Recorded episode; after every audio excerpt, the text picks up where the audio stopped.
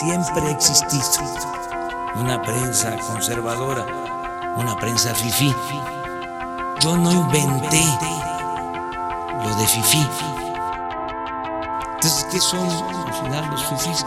Pues son fantoches, este, conservadores, todos, hipócritas, doble cara.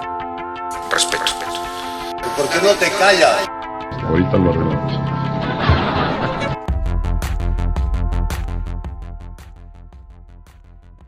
Hola, buenos días, ¿cómo están todos? La audiencia de su podcast eh, hispanista, eh, no sé, memero, siempre lo decimos, eh, Soda Histeria.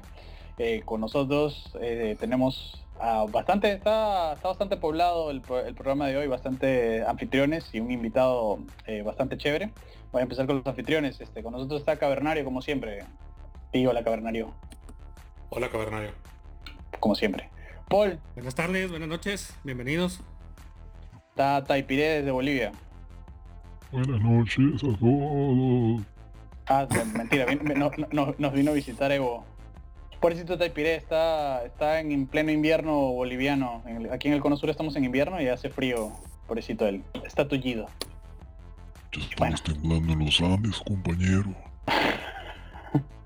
Bueno, y con nosotros nuestro invitado de hoy, este um, Santiago, es una, persona, tiene, tiene, una historia personal bastante interesante, es un español, español español de España, que se ha venido a vivir al Amazonas, el Amazonas hispánico, porque hay un Amazonas portugués, por decirlo así. Y nos lo trajimos para que nos cuente sus anécdotas eh, como, como conquistador moderno, neoconquistador, no sé cómo, estoy bromeando obviamente, pero a lo mejor sí es una buena manera de, verlo. Eh, Santiago, saluda. Ya, ¿cómo estáis? Eh, y a quienes nos, están escuchando también un saludo. Desde Perú, vamos a decir. Desde, desde la Amazonía peruana. peruanas. ¿Qué tal? Entonces, este, bueno, nada, para empezar, cuéntanos qué hace, qué hace un español en el siglo XXI en el Amazonas en Perú. Bueno, la razón por la que vine es la de contar y como es es bastante increíble, me voy a abstener en esta ocasión. Igual otro día que tengamos la oportunidad de hablar de unos asuntos, igual no me lo sacáis. Es una es una historia súper alucinante de por qué yo vine aquí, ¿no? Pero bueno, el caso es que eh, finalmente me quedé pues porque vine para hacer algo, algo muy espectacular, una cosa muy especial y Finalmente eh, descubrí que una de las personas que estaban en ese asunto era un, tema arqueológico y en ese asunto pues no era trigo limpio, digamos, ¿no? No representaba al bien, por decirlo de alguna forma. Entonces yo me quedé porque venir aquí contacté con algunas personas y con, con la que es ahora mi esposa, que nos conocíamos pero nada más y y entonces pues decidimos eh, ser pareja y ya pues me quedé acá, ¿no? Me quedé en Perú. Es decir, yo vine por una razón, pero me quedé. Muy bien. Eh, quizás para la historia alucinante la, tengamos para, otro episodio, la continuación. Bueno, a lo mejor, a lo mejor me lo vais sacando hoy, porque ya es muy fácil, ¿no? Eso, y sin alcohol ni nada, simplemente... nada, no, es que quien bebe alcohol es mi esposa. Yo, la verdad es que bebo poquísimo alcohol, casi nada, ¿no? Un poco nada más por mi tema social, pero casi no bebo prácticamente nada. Yo, igual, yo, yo, casi no bebo y siempre me siempre se burlan de mí aquí mis, confitriones ah, que no bebo. ¿Qué? ¿Qué? pero es, bueno. Pero es, eh, normal, dicen que, un hombre que no toma, que no va con mujer y esas cosas, como que no es muy de fiar, así que hacen bien en no fiarse de ti mucho. Ah, pues caramba, yo solo soy un tipo abstemio, monogámico, casado. Perdón por ser tan no, yo, yo, te entiendo porque soy más... Degenerado. Te entiendo porque yo más o menos soy, soy igual, ¿no? O sea que también soy poco de fiar. poco de fiar, pues así, es. Pero bueno, este, hay un tema bastante interesante eh, que hablándolo en privado contigo, tú me comentaste cuando te, estaba hablando un poco de, Mundo Republiquete y demás, y tú me hiciste una, una, aseveración bastante, bastante fuerte, ¿no? Que es que tú sientes, o sea, tú como español que viviste en España toda tu vida y ahorita estás aquí en Amazonas, eh, sientes una gran, no sé si conexión o similitud entre la gente de, Perú, y ya no estamos hablando de la, porque nosotros hemos tenido otro, o sea, tuvimos otro español en otro de los episodios que él vivió en Lima y él habló también de las similitudes y de las disimilitudes este, entre los peruanos y los españoles, pero algo un poquito más, este, no sé, no, sé qué palabra usar, diría foráneo, es lo de la, idea del Amazonas, ¿no? Eh, este, pero tú me hiciste esa aclaración que también, no, que también, que la gente, que los peruanos en el Amazonas son, para ti, tú dijiste básicamente que eran como españoles. Sí, yo tengo relación con varias comunidades indígenas, por ejemplo, hablemos de, de asánicas y asénicas en, Atalaya, que están en frontera a los territorios con Brasil y algunos incluso no contactados, ¿no? Entonces, esas comunidades que yo tengo contacto que, viven muy profundamente cuando nos, nos, reunimos, pues, y vienen como el último, un primer congreso que hicimos, congreso asánica, de gobierno asánica, que fue en el año 2018, creo recordar, en octubre me parece así, pues tardaron, algunos tardaban en venir pues hasta dos días, ¿no? Bajando por las quebradas, ¿no?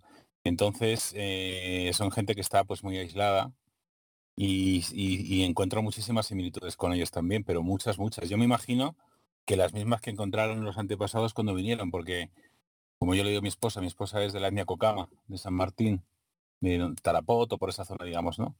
Pero ella tiene apellidos pues españoles, te vas al cuarto, su bisabuela era indígena pura, pero te tienes que ir un poco más atrás para encontrar el apellido. Entonces, como yo le dije al principio, ¿no? Digo, no, no, es que mis, mis antepasados no vinieron aquí, ellos se quedaron allí. O sea, si tienes algún problema lo resuelves con tus antepasados, ¿no? Porque yo me quedé allá.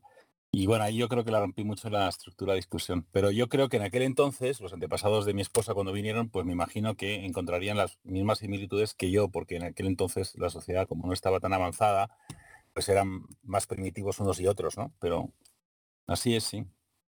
Y una cosa, bueno, antes de que nos expliques un poco esas similitudes, este, a medida que estabas hablando, se me ocurría también que, que, o sea, tiene sentido porque si no están tan contactadas, no están tan contaminadas del mundo moderno y por decirlo así, de la, de la hegemonía cultural americana, por, ¿sabes? Que como que los, los, los hispanos nos hemos ido eh, gringonizando, gringonizando sí, poco sí. a poco, este, y eso lo ves en Lima y demás, este... Claro. Es más, la misma Europa, lo podemos ver, ya estoy saltando de tema, yo me estoy yendo por las ramas y todo, pero lo podemos ver con las protestas ahorita que hay con lo de lo, lo que está pasando en Estados Unidos. Ves gente en Barcelona, en Madrid, en Ámsterdam, en Bélgica, en, en Londres, eh, protestando por causas gringas, ¿no? Americanas. Eh, bueno. Eso es por... Eh, ¿Sí? Que ni entienden. No, sí, que ni entienden. Mm, per...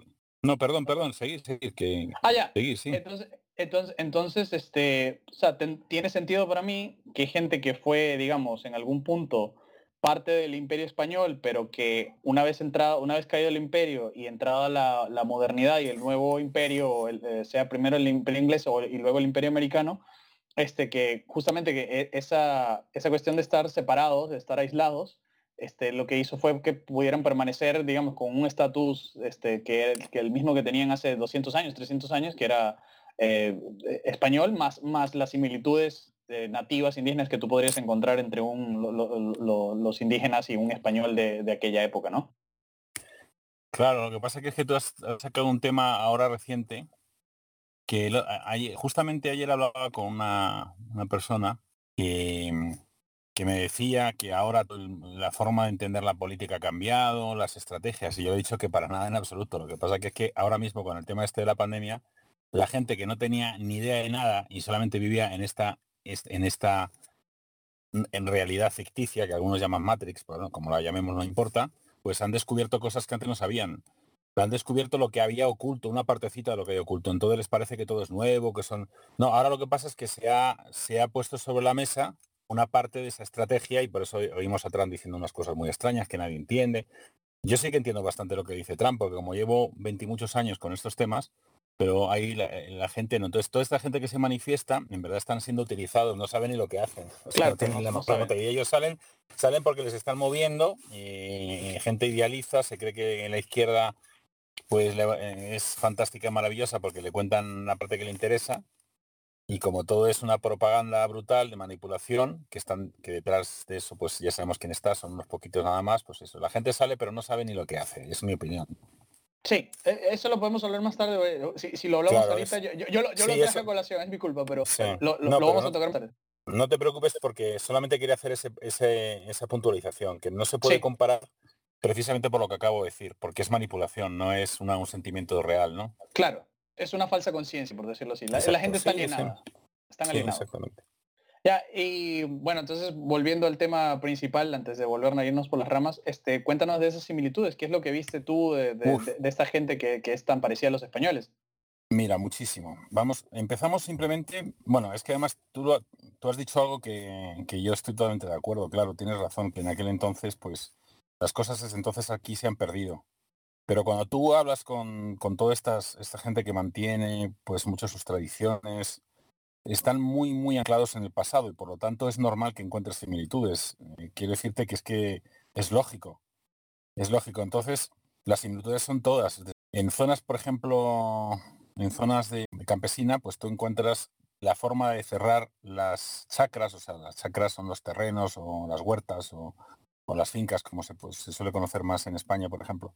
Pues las chacras, eh, la forma de cerrarlas, pues es como en, España, por decir algo. O sea, dependiendo, claro, en España hay muchísima diferencia entre lo que se hace en el norte, en el sur, el oeste, en el este, en, la zona de Madrid. O sea, cada uno utiliza los materiales que tiene, pero los va colocando de una forma distinta, por ejemplo, como los colocan en Europa, en el norte de Europa. O sea, las diferencias se ven en esos detalles porque, claro, la tradición de, los, de, la gente de campo que la mantiene pues, y no tiene influencia. Na- nadie le interesa decirle a un campesino cómo tiene que poner las piedras para cerrar el cerco, qué forma tiene que poner la puerta, por ejemplo. A nadie le interesa, pues siguen haciéndolo igual, ¿no?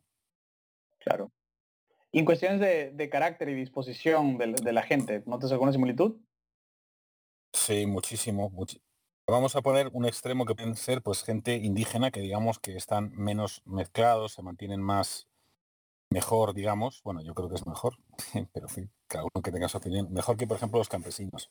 Los campesinos so- son personas de montaña, ¿no? Y son duros, son huraños, son menos amigables, pero cuando consigues traspasar esa barrera, pues sí que ya ves, ves cómo son en, en verdad, ¿no? Pero los indígenas pues son mucho más sociables, amigables, pero sin embargo, como les falles un poco ya para levantar esa, esa falta que te ponen es muy complicado. Pero mm, por eso digo, pero ¿qué similitudes con los, con los, por ejemplo, con los indígenas? Pues la forma de, comunicarte, o sea, es muy fácil comunicarte con ellos. Mm, Ellos, una vez que tú entiendes que cómo son, porque tienen esa idiosincrasia, pues eso que acabo de mencionar ahora, por ejemplo, eh, ellos automáticamente, te es muy fácil comunicarse con ellos. A mí me, me resulta muy fácil porque, porque te entiendes casi a veces sin hablar. O sea, digamos que, que es eh, más intuición, ¿no? Como que el lenguaje lo vas manejando más por gestos, ¿no? por formas de, también por, me imagino que la energía que tú vas sintiendo en cada momento, las emociones, ¿no? Y, yo los veo que es muy, muy fácil entenderlos y es muy fácil comunicarse. Yo siempre que, he estado con ellos me he acordado, por ejemplo, de los antepasados de, mi esposa, que, ya ha nacido acá, ¿no? Siempre digo lo mismo para fastidiarlo un poco cuando se me oye. Pero, pero es verdad que, que puede ser que sienta lo mismo que sentían entonces, ¿no? Que también tuvieron mucha facilidad. Por eso cuando vemos como cuatro, entre comillas, españoles lograron recorrer tanto territorio y llegar a tantas, a tantas alianzas, no solamente es porque el español tiene una forma de ser que facilita eso, que eso por supuesto que, que es así, no hay duda, pero es también porque había muchas similitudes con los indígenas, muchas similitudes, ¿no? De, de eso que estoy mencionando. Entonces, bueno, Sí. tampoco quiero alargarme mucho, prefiero que tú me vayas preguntando para hacerlo más dinámico, porque si no, nada más que hablo yo, pero... Pues, no, no hay problema si nada más hablas tú, pero este No, esta- no. esta- es- suena, tiene, para mí tiene sentido todo lo que dices, porque, o sea, por ejemplo, miras la, o sea, la- las conquistas eh, españolas en América fueron conquistas primordialmente diplomáticas, no fue que algo estilo 300, eh, que te- te- sabes, los españoles contra un millón de soldados este, indígenas y los sublevaron a todos y les pusieron Claro la bota. Por supuesto fue- que no fue así. Fue con alianzas, fue hablando, fue entre eh, eh, con, con matrimonios, este, te, casabas, se casaban los conquistadores con, con indígenas, con las hijas de los, de los nobles indígenas, etcétera, etcétera. Entonces para mí Bueno, o sea, es, es bueno escucharlo de primera mano y en el y en pleno siglo XXI. Y te, te- voy a decir, te voy a decir por qué, porque, o sea, eh, parte del origen de, de nosotros aquí de, de, de Mundo Republiqueto es que nosotros venimos de, eh, de la parte de la derecha disidente un poco más anglo, este, ese- te, estoy, te, te- estoy contando nuestros orígenes, ¿no? De cómo, de, de- de- Sí, de sí. dónde iniciamos y cómo y por qué terminamos aquí. Un poquito más anglo y esa es como que un, un poco más racista o, o mucho más racista, ¿no? Donde realmente ven al, al- al- al indígena como un alienígena, básicamente, o sea, como un casi casi un ser, Sí. un ser sub- sub- subhumano, ¿no? Entonces, Claro. poco a poco nos hemos ido limpiando esta falsa conciencia, esta, esta, esta alienación, eh, y, y nos hemos dado cuenta que el modelo hispano y el carácter hispano y lo que sucedió en toda Hispanoamérica es, es una cosa que es completamente distinta a lo que sucedió eh, en el Imperio Inglés o en Estados Unidos. Entonces que no, no, Claro. no, no, tiene sentido andar este, sosteniendo ese tipo de narrativas, sobre todo tipo de narrativas raciales o lo que sea, este, de buscar el, el hecho diferencial, por decirlo así, o, Sí. o el- o la supremacía blanca en, en Claro, América cuando, cuando está Mm. todo esto, ¿no? Cuando, cuando ves, Sí. por ejemplo, que la conquista fue diplomática, eh, fue algo de, de alianzas con los indígenas desde el principio, y luego en la misma independencia, este, los indígenas y, lo- y, lo- y los negros y los mestizos este, estaban a favor de, eran realistas, no eran, no eran independientes. Entonces es como, nuestro legado es otro, nuestra forma de, o sea, nosotros como, como descendientes de los españoles, este, a, cualquier nivel que tengamos aquí, ¿no? Este, o, descendientes, ni siquiera tienes que tener sangre española per se como tal. El, hecho de tú existir en Hispanoamérica, en el, en el, en el constructo, en, todo, en toda esa gran construcción que hicieron los españoles, eres de cierta manera heredero de eso, pues el modelo es otro. Entonces estamos, por eso tenemos estas iniciativas y por eso me, me- te invitamos, te invitamos acá para hablar justamente de eso, de, oye, Mm. Si tú crees que los indígenas son alienígenas o lo que sea, que, o que son subhumanos, etcétera, etcétera, pues te, te- comunico que no, que aquí tenemos un, un español en pleno siglo XXI diciéndote, diciendo las cosas que tú estás diciendo. Por supuesto, yo te, te aseguro que perfectamente podría vivir con ellos y lo único que podría, la única dificultad que podría tener una persona como yo es, digamos, el nivel cultural, por decirlo alguno, pero como a mí eso, para mí eso no es ninguna barrera, porque yo vivo en comunidad y me adapto perfectamente porque saco otros valores de las personas distintos de los que puedes sacar con gente de otro nivel. Además, con las nuevas tecnologías esa necesidad la tienes cubierta. Pero fíjate, yo te voy a decir una cosa, lo que estáis haciendo vosotros, lo que me estás contando y lo poco que hemos hablado tú y yo, pero suficiente, yo creo que de verdad que creo que es muy importante la labor y yo creo que eh, os felicito y os animo para que sigáis, porque creo que ese, para mí, es el punto fundamental de que todo el continente eh, sea hege- hegemónico, primero resuelva sus problemas. Y esa es precisamente la trampa en la que nos han metido, digo nos han porque también a los españoles nos han metido, en esa trampa de la que tú estás hablando.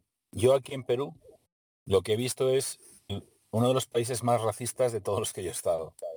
Pero racistas, racistas con ellos y xenófobos, todo junto, ¿no? Pero es con ellos mismos, es que son con todos. O sea, si tú eres rubio y con los ojos azules, porque eres rubio y con ojos azules. Si tú eres negro como el betún, porque eres negro como el betún. Si tú eres de aquí, porque eres de aquí. Si eres de allí, porque es de allí. Si eres de fuera, porque eres de fuera, si es dentro, dentro. Es decir, no hay que tomárselo mal porque entre ellos también son racistas. O sea, es todo con todos, ¿no? Y justamente eso que... Sí, dime. Iba a decir, y- y iba a decir que es como casual, es como no es una cosa existencial de que te odian, pues y simplemente es así como, bueno, te, te- te- te joden, pues.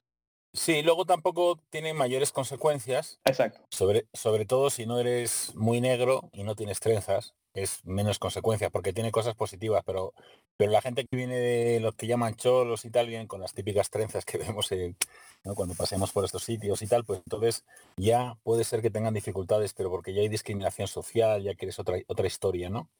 Pero, pero en verdad eso es un problema gravísimo, gravísimo, y yo puedo entender que, porque todo eso estoy totalmente seguro por lo que yo he leído, y claro, no podemos más que fiarnos de las crónicas y todo, sobre todo apli- aplicarle lógica e intuición, porque no, no tenemos la realidad de lo que ocurría. Pero yo estoy totalmente seguro de que, de que en aquel momento no había nada de todo eso. Es decir, cuando vinieron acá los españoles, los curas, etcétera, que son gente un poco eh, extraña, yo tengo buena relación, he tenido buena relación con, curas, incluso haciendo viajes eh, muy intensos con ellos y, sé más o menos qué es lo que tienen en común, pero son, claro, gente extraña, porque si no, no sería cura y además viven solos y todo esto es un, hacen personajes un poco diferentes al resto. Pero me imagino cómo son venir aquí ellos querían venir a evangelizar y se hermanaban, estaban solos, cómo no van a tener afecto con los que estaban a su alrededor, a su familia, etcétera. Yo estoy seguro que eso vino después con la independencia, con el engaño, que hubo después, y no quiero profundizar mucho porque si no me van a tirar las, pero en fin, en ese sentido quiero decir. Pero, pero sí que yo creo que vino después. Las diferencias se marcaron precisamente para alejar de la, historia, para hacer otra estructura distinta, pues como ahora está ocurriendo con el famoso eh, la pandemia esta, ¿no? Pues están armando un lío pues para que todo cambie y lo quieren dirigir hacia un lado, bueno, aparte para ponernos la famosa vacuna, la chip de nanotecnología dentro de la vacuna, que ya lo han dicho que lo van a hacer, etcétera, pues en, aquel entonces pues fue la leyenda negra y fue de estas cosas, ¿no? Pues para un poco distanciar de la, de la realidad, ¿no? O sea, tiene su lógica que en aquel entonces, por, por clasismo, por clasismo, pues es normal que hicieran diferencia entre la gente que, era más humilde, que solían ser pues los indígenas, aunque también los había con mucho dinero, pero en fin, me imagino que serían los menos, ¿no? Y es normal que venga de aquel entonces, ¿no? Luego, por otro lado, también es que aquí en, Perú, unido a esto que estamos hablando, hay un problema grave y es de baja autoestima, ¿no? Porque como les han engañado, les han contado, les han dicho que son lo peor, de lo peor de lo peor, pues la gente tiene un complejo bastante importante desconocen su historia totalmente y no se dan cuenta que Perú ha sido una potencia impresionante que ha tenido todo el continente arriba abajo y que, mm, y que ha sido muy importante. ¿no? Yo creo que es muy, muy interesante todos estos trabajos para poder llevar la conciencia, eh, elevar la autoestima a los peruanos ¿no? y que se sientan importantes, porque casi todos los problemas que tiene Perú es precisamente por baja autoestima. ¿no? No y eso no solo es en Perú, o sea, también en, en México, o sea, tenemos este la, la, historia de la victimización este, pues porque pues perdimos contra los gringos y somos los, los chafas de la historia y todo eso, o sea, se me hace que es algo en, todo el continente, o sea, ese complejo de, de, inferioridad, este, de que, o sea, si nos hubiera conquistado otro pueblo, nos estaría cantando, o sea, sería otra canción la que estaríamos este, cantando y, todo ese tipo de cosas, o sea, no, a mí se me hace que, este, lo que terminó pasando cuando, cuando se dio lo, lo, de las independencias es de que perdimos esa conexión con el pasado, este, y pues porque precisamente la gente que, que, entró al poder, este, pues quería de nuevo a, una estructura gubernamental y ideológica completamente diferente. Pero, pero fíjate, perdóname que te interrumpa un segundo. Eso, pero tú estás hablando de México, o sea, México todavía lo tenéis muy bien, mucho mejor porque en México por lo menos tenéis idea de lo que son los mexicas, que eran los aztecas que se separaron de los otros aztecas en, en Coatepec, toda esta historia. Y, yo creo que esa, esa, esa, esa historia está bien en el sentido de que hay, está documentada, pero Mira, tú te, lo voy a poner así, o sea, a mí cuando estaba mm. en primaria hasta me enseñaron a, a, eh, contar en, en, o sea, hacer este matemáticas y todo eso con, en, en maya, o sea, con la numerología de los, de los aztecas.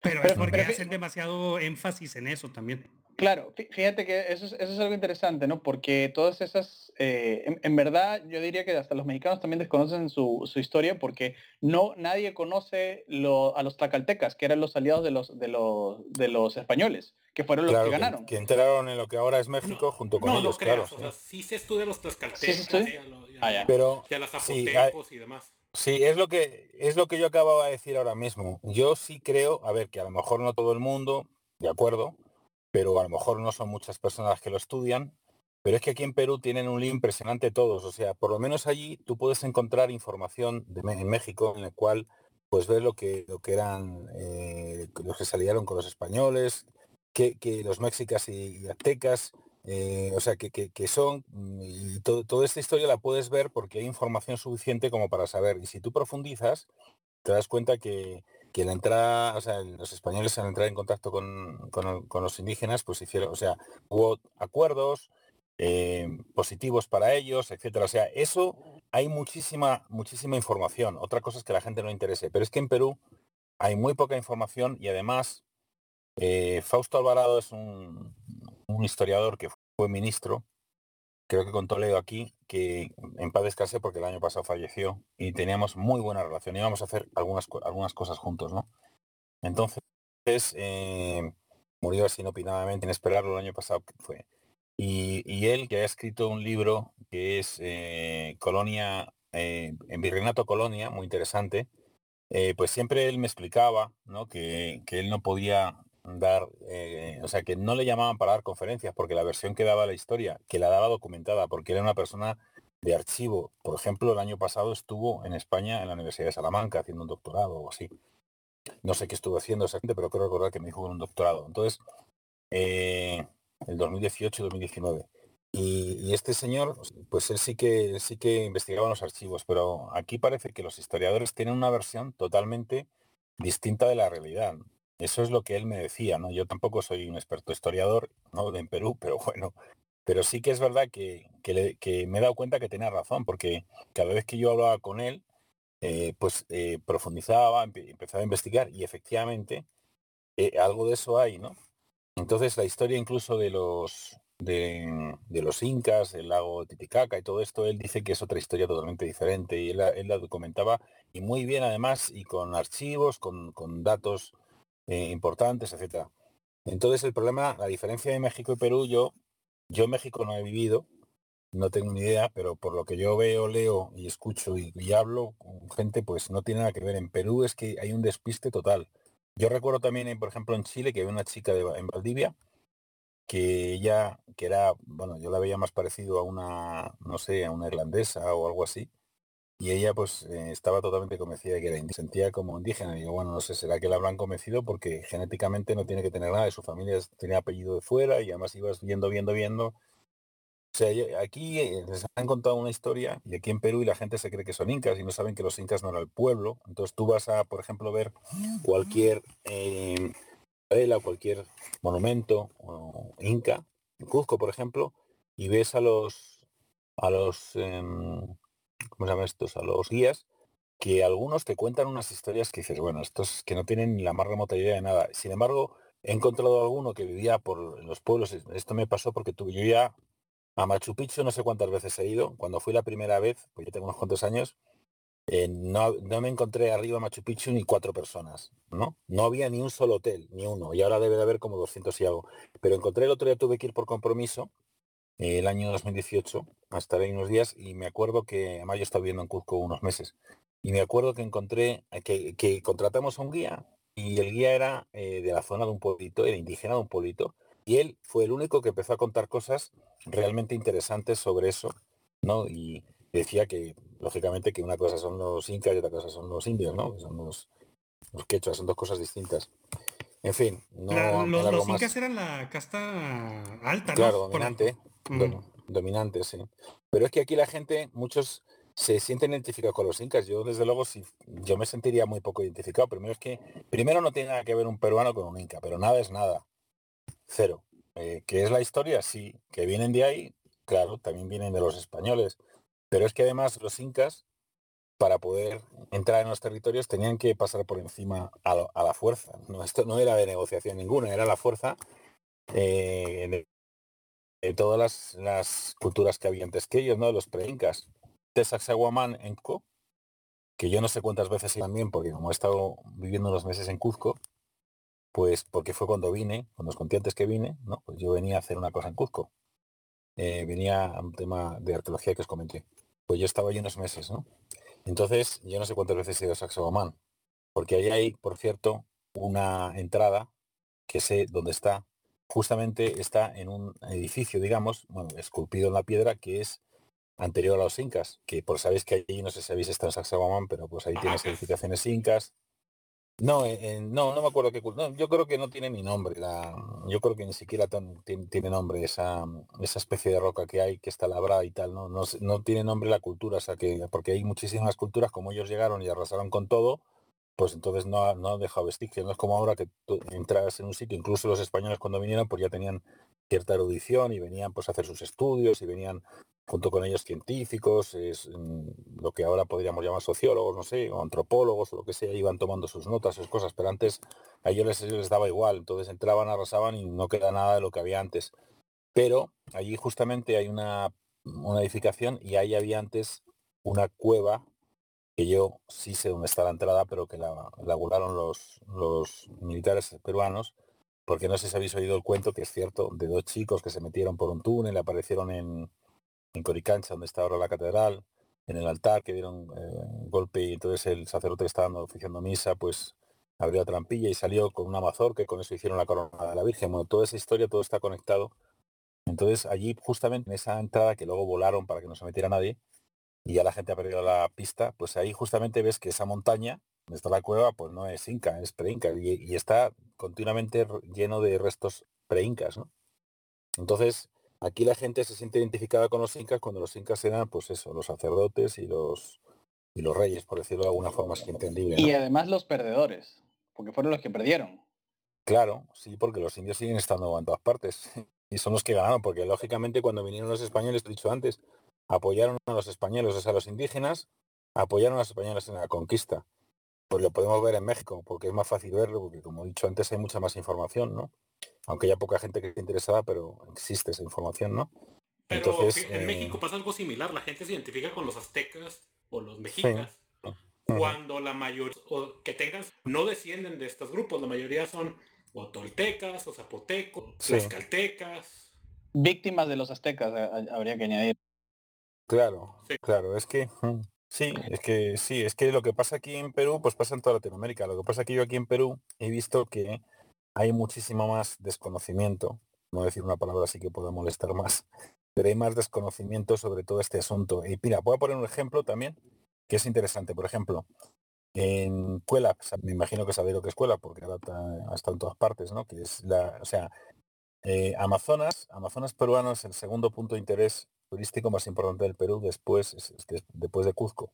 Y Cuelap es el primer punto de interés turístico más importante de Amazonas. Cuelap está por encima de los 3.000 y pico, 3.200, no sé a qué altura está, pero debe estar unos 3.500 y es una especie de fortaleza muy interesante que ahora han puesto un funicular en el 2017, creo que como julio de 2017, etcétera, ¿no?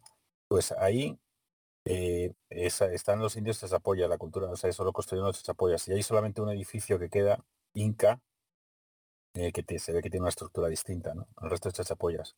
Entonces, si tú preguntas a la gente de toda esta zona, qué es lo que estudiaban en el colegio, te cuentan una historia que no tiene absolutamente nada que ver, pero nada es nada que ver con lo que ahora están eh, contando los guías instruidos por el encargado de, de Cuela, ¿no?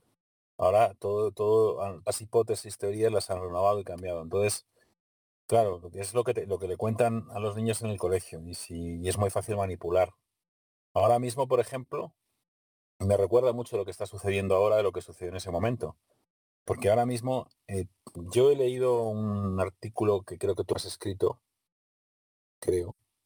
Em, ese, y tienes toda la razón, efectivamente así es, muy bien.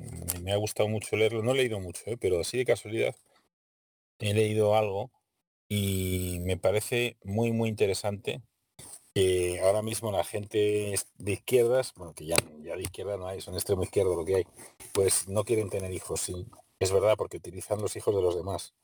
Correcto. Para poder, sí, para poder transmitir toda esa teoría que tienen tan, tan disparatada porque es contraria, o sea, es totalmente incongruente, no es por otra cosa. Pues entonces, pues sucedía igual, lo que hacían es que a los hijos de los demás los contaban una película entonces, pues lo que han hecho ha sido inocular el rencor, el odio, la discriminación, el complejo de inferioridad en una población que tenía que estar totalmente orgullosa de su pasado, porque su pasado es glorioso en todos los sentidos, no es, no es algo, algo como para esconder, ¿no? Porque aparte que la pobreza, entendida como algo material, no tiene ninguna importancia. Es un medio para conseguir cosas nada más, ¿no? Pero en verdad no tiene ninguna importancia. Lo importante es todo lo que hay detrás de cada uno, de sus pensamientos, de, de, tu, de tu historia, de tu tribu, de tu comunidad. No sé, entonces es que está claro que es un poco como lo que ocurre, por ejemplo, en España con la independencia, que de repente te empiezan a contar una película que dices, pero bueno, es que ahora ya se ahora ya se puede ver si uno quiere y no quiere estar abducido y salir de esto que llaman Matrix, que ahora la gente está saliendo por el tema este de la pandemia en una, proporción brutal, pues eh, puede, se puede investigar, pero en aquel entonces no había, porque el conocimiento solamente lo tenían unos pocos. Pero ahora mismo puedes ver, por ejemplo, en Cataluña se han inventado una historia totalmente loca. Hay una página por ahí, no recuerdo cómo se llama, hecha por, por, el, gobierno catalán, por la Generalitat o Generalidad, para los que quieran no decirlo en catalán.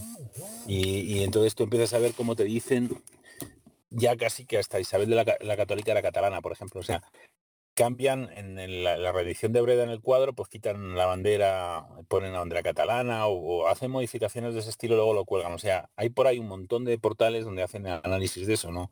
Y es, es el cambio de totalmente de, todo, de todo, de, la historia, de, es una manipulación. Mm, todo lo bueno de España, del Imperio Español, este, ah, pues viene de Cataluña, pero lo que no les gusta, ah, no, no, no, eso lo hacemos para un lado. No tuvimos nada que ver ahí.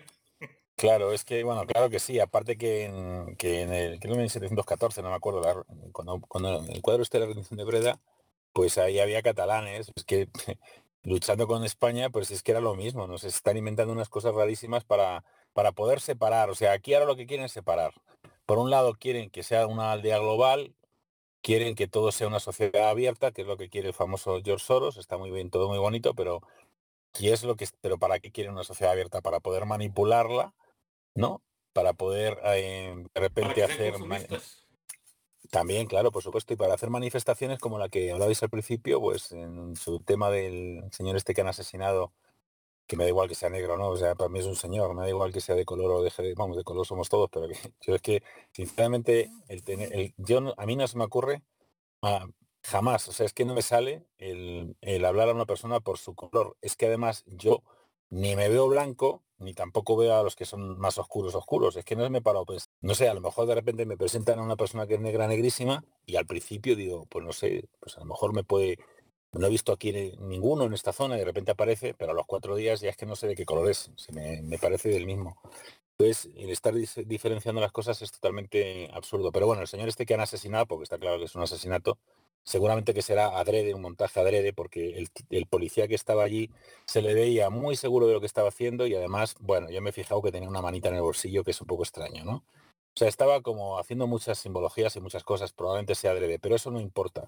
Es un señor que, han, que, han, que, han, asesinado y ya están habiendo movilizaciones en un sitio en otro, como lo que pasó en Bolivia, lo que ha pasado en Chile, antes de los incendios, lo que pasó en, en Egipto cuando, cuando ocurrió todo aquello, yo también he estado en Oriente Medio todos estos años atrás, en aquellos momentos también. Sí, sí, la primavera árabe y todo eso. Cuando, cuando sacaron a Gaddafi del poder.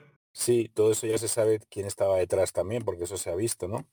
El señor Soros haciendo sus, sus cosas tan maravillosas. Entonces, claro, yo pues todo, todo eso que se ve, esa manipulación que se ve ahora, pues antes era exactamente igual es volviendo a la conversación que yo tuve ayer, esa que empezaba a decir, no, es que ahora todo el tablero de juego, porque ahora todo ha cambiado, porque ahora tenemos que pensar, no hay que pensar de ninguna manera, lo que pasa es que ahora tú sabes lo que había y hace cuatro días no tenías ni idea ni te enteras. O sea, si yo te digo a ti hace, hace cuatro meses que, que este era el tablero de juego, pues tú me dices, ahora tú eres un, conspiranoico, tú estás loco, esto no es así. Bueno, vale, de acuerdo, por nada. Entonces, mejor no te lo digo, por eso no te lo digo. Ahora ya sí te lo digo, ¿no? O sea, era, yo, yo he llegado a la conclusión que es lo mismo ahora lo que había antes, lo que pasa que antes, ahora hay unas herramientas que antes no había, entonces era, era, era todo de una forma más, más oculta, digamos, y ahora pues las cosas, el que quiere saber puede saber, ¿no? La, cosa es que la gente no quiere saber. Sí, eso está más claro que el agua. La gente no quiere saber. O, qué es lo que están aprendiendo, porque también nosotros hemos visto el otro lado de la moneda y y, o sea, las cosas a las que se dedica la gente, pues a veces es así como que, eh, güey, no, por, ahí no es.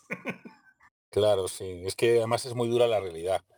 Yo tengo ahora eh, en, torno a mí personas que han, están naciendo, incluso periodistas que están naciendo a esta realidad que existía antes, pero que para ellos pues es una, es una realidad distinta porque vivían en otra. Entonces están como niños pequeños descubriendo un montón de cosas que no tenían ni la más remota idea, ¿no? Yo recuerdo a alguno de ellos hace en diciembre hablando de todos estos temas y yo me llamó y digo, pues parece que me está haciendo una entrevista, porque me hacían las preguntas muy buenas, por cierto, parecía una entrevista total. Y no tenían ni la más remota idea. Estamos hablando del mes de diciembre. Y claro, en enero, finales, pues la, la conversación tenía el significado que entonces no entendía el por qué me había preguntado en diciembre, pero ya en enero sí empezó a entenderlo a finales, porque estábamos empezando ya a tener algunas noticias del virus. Y un mes después, pues cobraba mucho más significado, ¿no? Y, todo, y entonces esa persona que no tenía ni idea, ahora ya tiene un máster en todos estos temas, ¿no? Y como él hay mucha gente. Por eso digo que, que la situación es muy parecida a la que estamos viviendo ahora.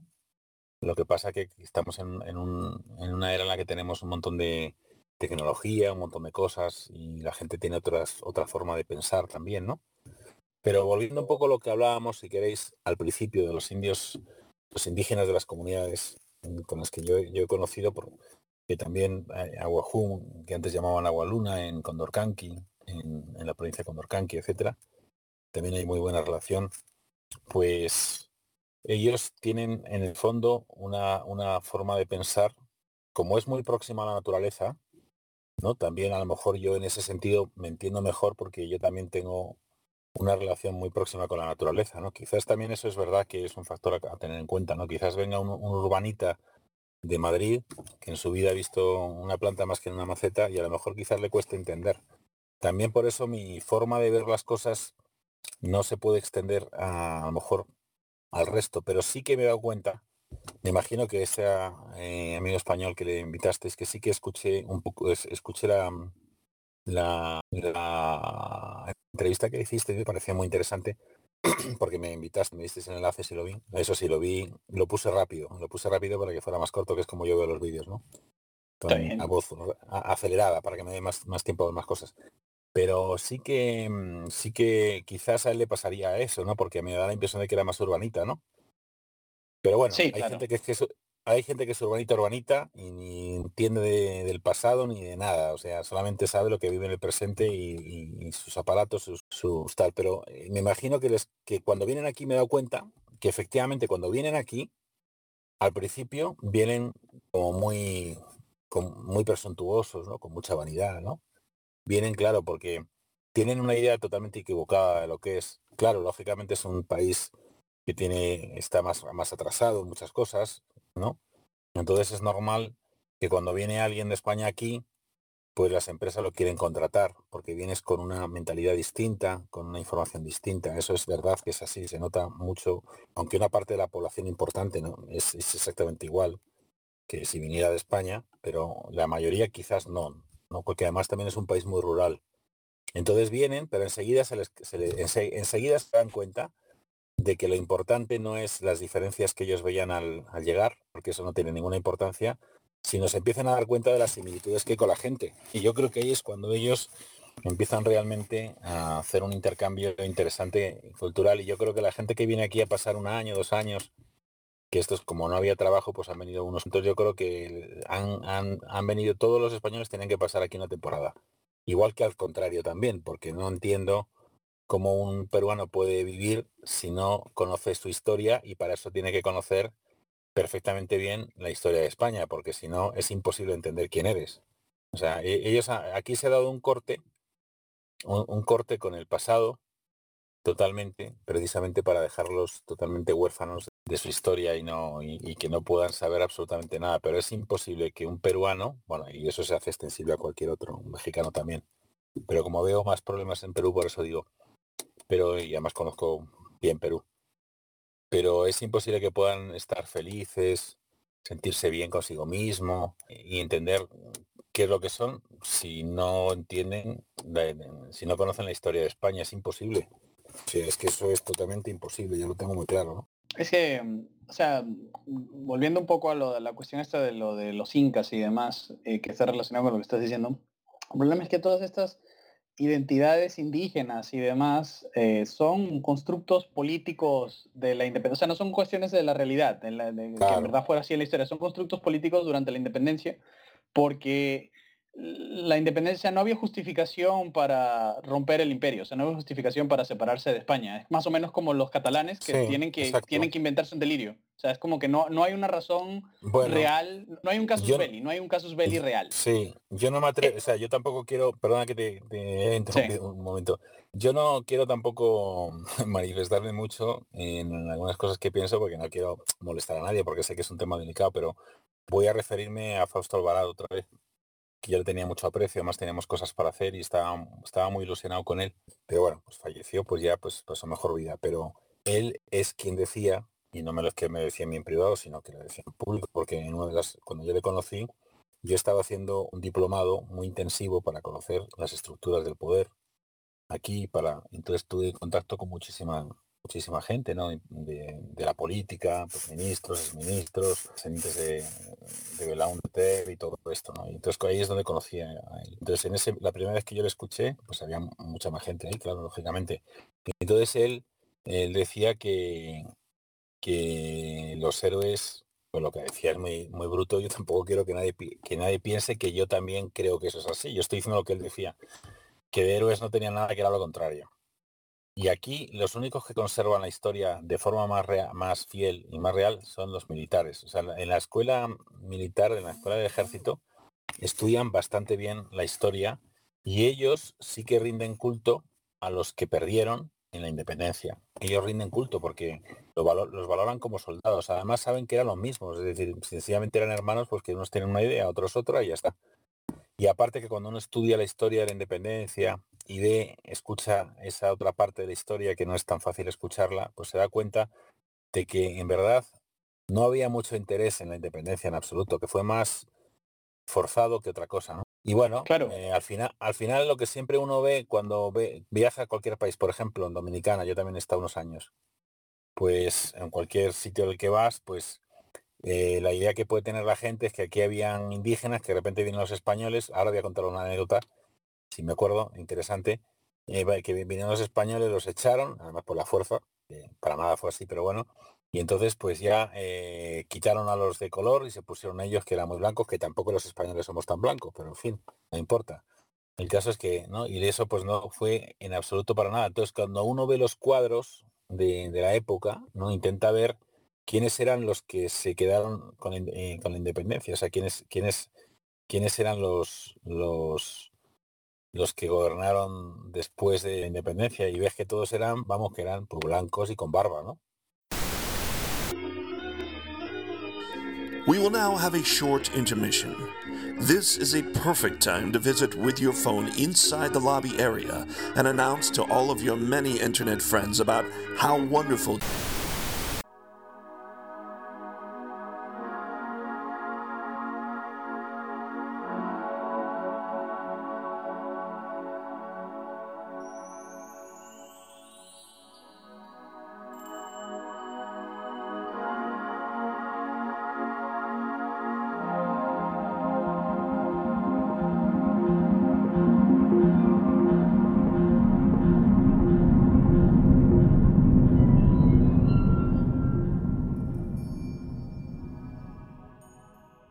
Ejemplo, en Cuzco, recuerdo que en una tiendecita, cuando estuve allí unos cuantos meses viviendo, pues que me fascinó, me encantó vivir allí, era una cosa increíble, cada día era como, estabas ahí flotando, yo me, encontraba feliz, no sé qué, qué, sensación tenía tan buena, ¿no? Pero recuerdo que en una bodeguita pequeña, pues si fue a comprar y de repente un niño pequeño, pues debía tener cuatro años.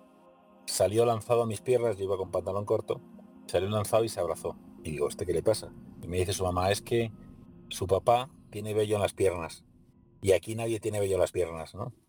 Quiere decir que, que bueno, pues eh, está claro que podemos a lo mejor tener eh, esas, esas diferencias, ¿no? Pero, pero son realmente solamente en la estructura, la apariencia, pero yo creo que en la forma de pensar somos tan compatibles que por eso funcionó muy bien esa mezcla, funcionó muy bien, ¿no? O sea, yo estoy seguro que, hubo mucha conexión y se entendieron muy bien cuando llegaban a, a cualquier a cualquier comunidad y, a ellos es, como con la expresión esta que se me ha parecido la Virgen. De repente se le aparecieron unos que vinieron pacíficamente, con la palabra, convenciéndoles nada más y con regalos, claro que sí, eh, como se hacían las cosas entonces, y entonces ellos se dieron cuenta que podían confiar y podían deshacerse de los opresores que habían venido a quitarlos y que además cada X tiempo venían a quitar la comida, venían a quitarle las, las chicas eh, jovencitas pues para hacer sus sacrificios y todo esto. Y cuando tú vas a, por ejemplo, a, mm, algunos eh,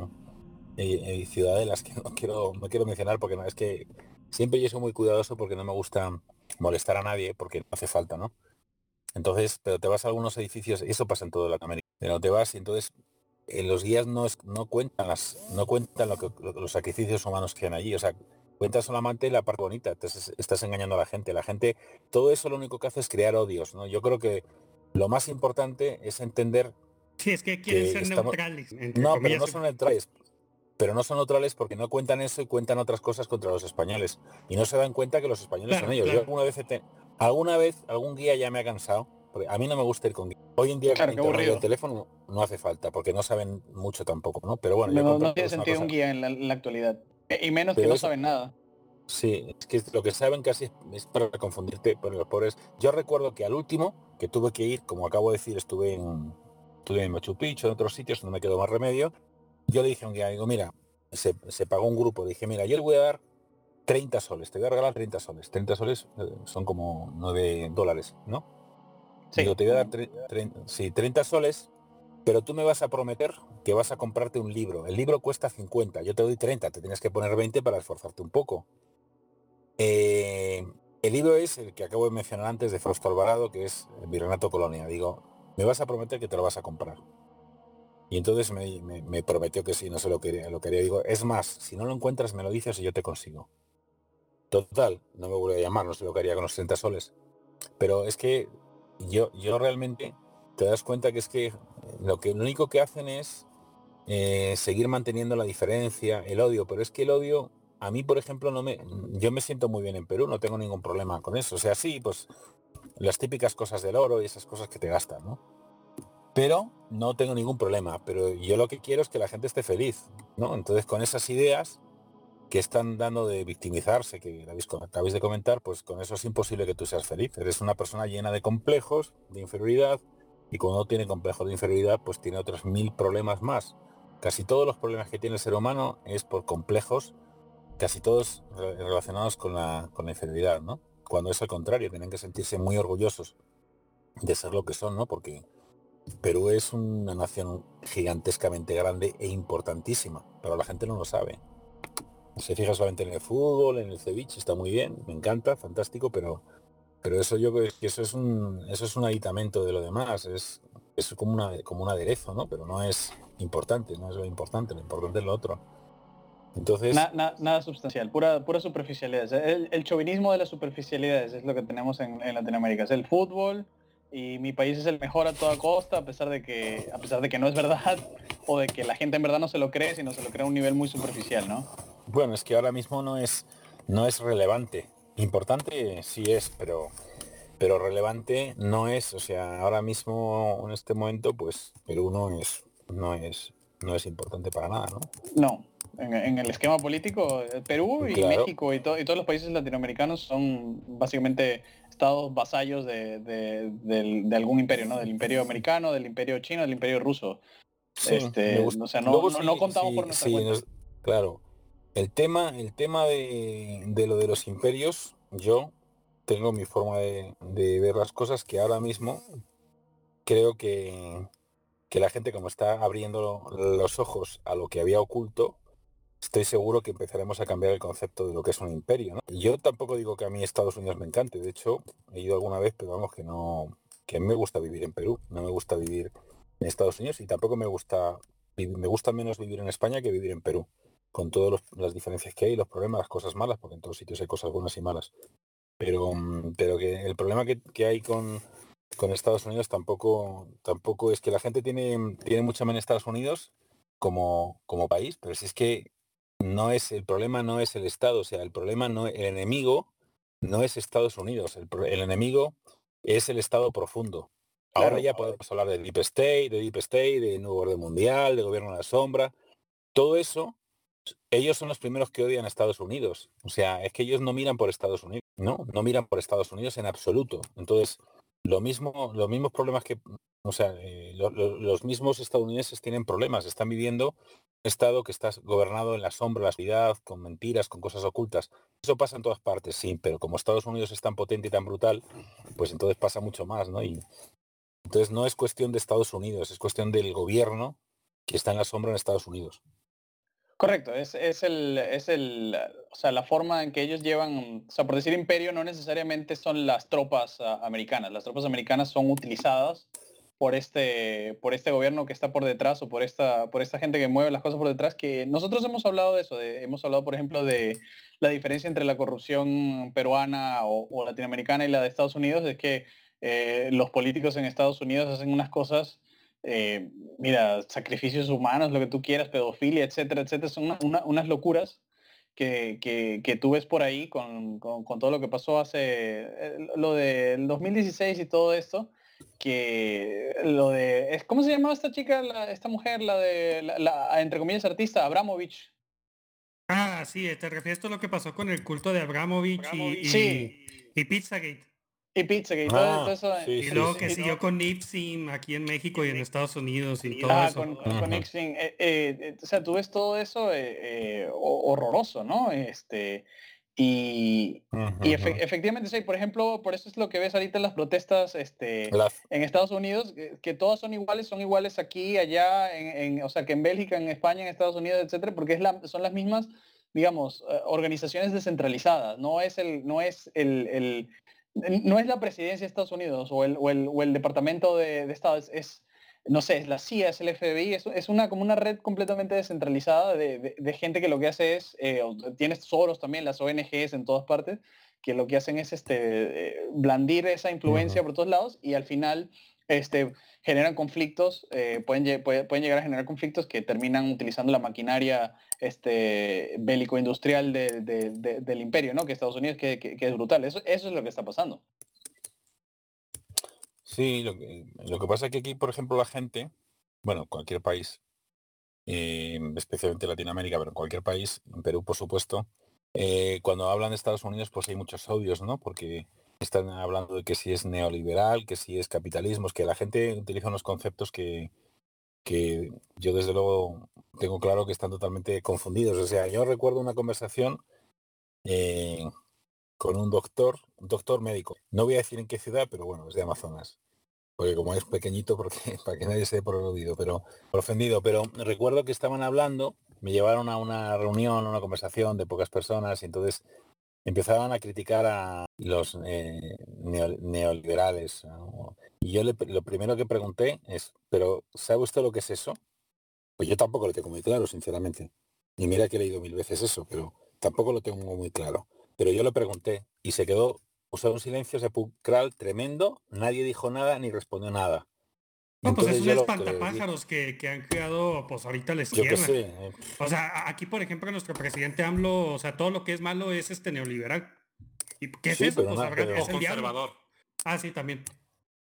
Yo sinceramente le reconozco que por más que leo y que muchas veces me esfuerzo, sí. El otro día leí algo que me convenció bastante, pero no lo tengo claro lo que es eso. Entonces la gente habla, habla, pero es que además están peor que yo, porque yo por lo menos sé que no lo tengo claro, pero ellos no tienen ni idea de lo que es eso, pero como escuchan decir que eso es muy malo, que eso es, o sea, están etiquetando, ah, ¿no? Entonces, todas esas son las diferencias que crean, que es la técnica de, crear todo esto. ¿no? O sea, podríamos ser muy felices, pero hay unas cuantas personas que lo único que hacen es fastidiar y crear problemas donde no los hay, etcétera, etcétera, ¿no?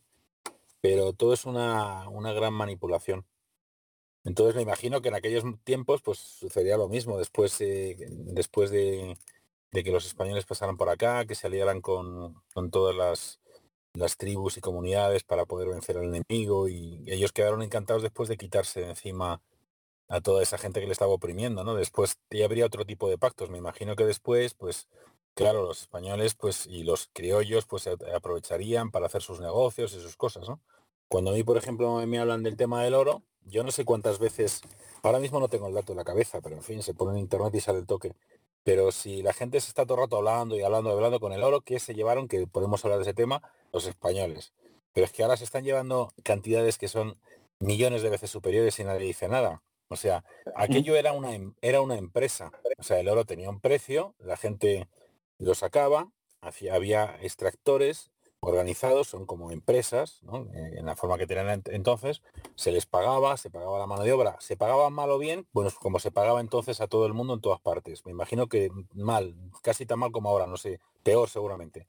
No, de hecho, eh, estaban mejor, o sea, por lo que yo he leído, ah, por lo menos aquí en México, había como que mm. gremios de, de, mineros y, o sea, podían tener este una capacidad de, de renunciar y estar cambiando de trabajo o sea, no digo que haya sido un, paraíso, este, pero, o sea, tenían mucha libertad para, para ellos poder este, elegir su trabajo y, y si no les estaban pagando bien, pues sabes que agarraban sus chivas y se iban. O sea, no, no había, no, no, no había una servidumbre, por así decirlo.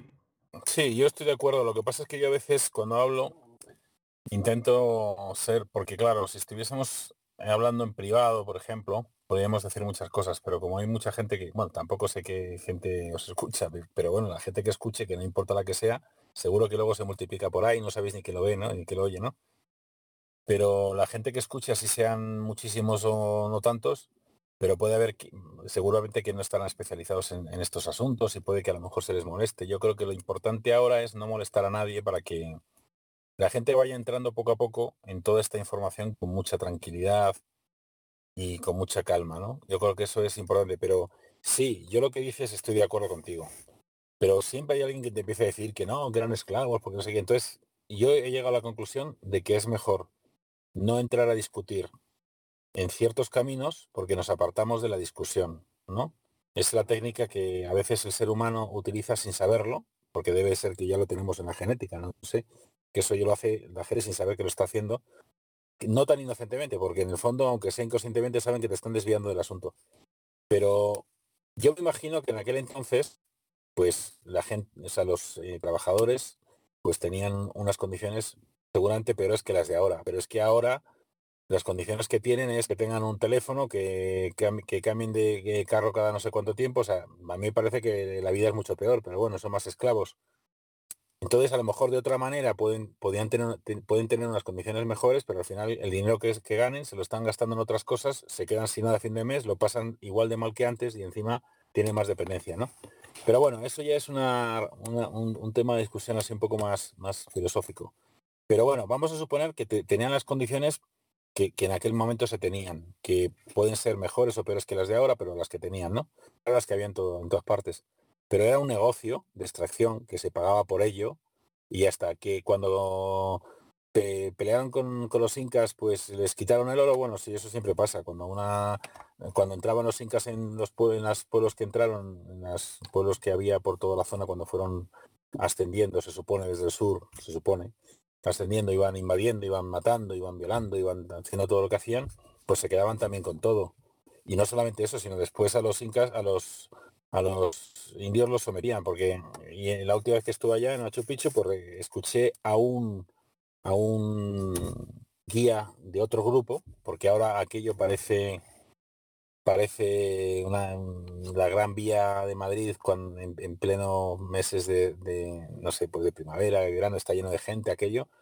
Entonces había un grupo que decía que hablaba de los de los indios y decían que los indios sí tenían que venir a estar no sé cuánto tiempo dijo no sé, dos o tres años de su vida, o cuatro años o cinco, no recuerdo bien lo que él dijo, y que, pero que lo hacían encantados de la vida. Bueno, pues es que eso no se lo cree nadie, o sea, ¿quién va a estar encantado de la vida de pasarse unos cuantos años sirviendo gratis, esclavizado, para poder construir todo eso? Pues no, aquí, se lo cree nadie. Aquí, eh, por ejemplo, en México, a todo mundo nos encanta hacer el servicio militar un año y tener que levantarte temprano todos los sábados y no, es encantados de la vida.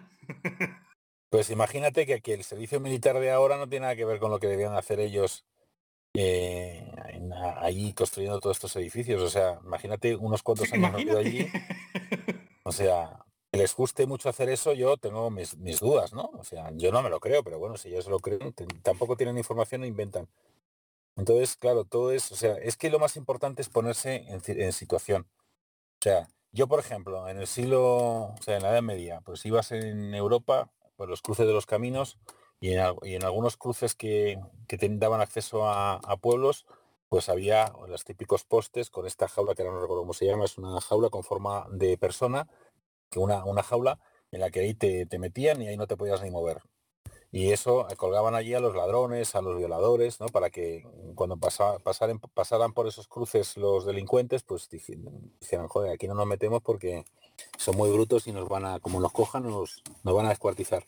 Claro, tú ves eso ahora y dices, qué brutos eran. Pues no, pues es que en aquel entonces, en aquel entonces eso no era tan bruto, era pues las circunstancias del momento, ¿no? La gente pues vivía de una forma totalmente distinta, no había higiene, la gente era de otra forma. Todo tienes que entenderlo en las circunstancias del momento, pero y, ahora... Y en Alemania en aquella época hacían exactamente lo mismo, especialmente con los disidentes religiosos. O sea, no era. Los, los colgaban en las catedrales en esas jaulas, o sea. no, en todos lados. Claro, por supuesto que sí. Es que ahí entramos en todo el tema de la leyenda, negra, también si quieres en la Inquisición, o sea, ¿no? La Inquisición la Inquisición que la gente demoniza y tal, pues cuando tú empiezas a, ver todos los casos que, que, había, ¿no? Pues realmente en México, por ejemplo, cuántos han condenado, cuántos mataron, a cuántos tal, pues son cuatro gatos al final después de unos cuantos siglos, ¿no? Y aparte que si tú comparas, eh, si tú comparas lo que, lo, que, lo que hacía la Inquisición con lo que hacían en Europa, que hacían juicios sumarísimos, por lo menos la Inquisición se reunía un grupo de personas a decidir si la si el reo pues se, condenaba o no se condenaba, por esto analizaban todo, ¿no? Eso fueron los primeros tribunales, ¿no? Pero, pero en Europa no, en Europa, aparte que, que asesinaron, porque no había ningún juicio de nada, a, a incomparablemente más más personas que no tienen ninguna comparación, se habla de cientos de miles, ¿no? Cuando en la Inquisición pues son miles de casos, que además están documentados, porque la Inquisición todos los, como todos lo escribían, ¿no? Pues anotaban todo y, se puede ir al registro a ver cuántos cuántos se cargaban, ¿no? Pero en Europa no. Entonces eran muy modernos incluso para aquellos tiempos, fueron los primeros que, los, los que primero empezaron a, a, a formar tribunales para hacer unos juicios más o menos justos. Me imagino que no serían justos, pero bueno, pues es lo que, lo que había, ¿no? Sí, este. Creo que hay este. No me acuerdo cómo se llama, pero un. Allá en Alemania, este, hubo un este. Pues uno que su profesión era ejecutar gente. Este, y pues escribió sus memorias y todo eso. Y te pones a ver cómo estaban las leyes de, de su condado. Y pues eran, o sea, realmente horribles, este, porque veías de que, por ejemplo, algún noble o, algún este burgués que tuviera algo de lana, este, bueno, algo de plata, este, muy fácilmente se podía salvar de, nomás pagándole a las autoridades, este, y por faltas realmente no viables, este, pues terminaban este, torturando gente, este, terminaban yendo a, la cárcel, este, ejecutados y, o sea, una arbitrariedad este, brutal, este, y, eh, las memorias de, un vato que precisamente, pues a eso se dedicaba, a ejecutar a todos esos condenados en, aquellas épocas. Pues, o sea, eh, sí, sí. sí, este, eh, lo, a lo que vamos es de que, o sea, en ciertos momentos, o sea, España sí, este, y lo que es este Hispanoamérica, tuvo su momento en el que obviamente estuvo más avanzado que, que, el resto de Europa. Eh, y, pues sí, probablemente ahorita Alemania pues sí está más avanzado que en muchas partes de Hispanoamérica, en ciertos aspectos. Eh, pero, o sea, eso no es este razón para decirle que pues siempre las cosas van a seguir igual, o sea, las cosas progresan y a veces retroceden. A veces estás arriba, a veces estás abajo. Sí, así es. Yo eh, aquí, por ejemplo, veo mucho más, mucho más, hay, cosas muy interesantes. Por ejemplo, el tema del, español, el castellano antiguo. Hay muchísimos pueblos, y eso me, eso me ha pasado mucho en Colombia.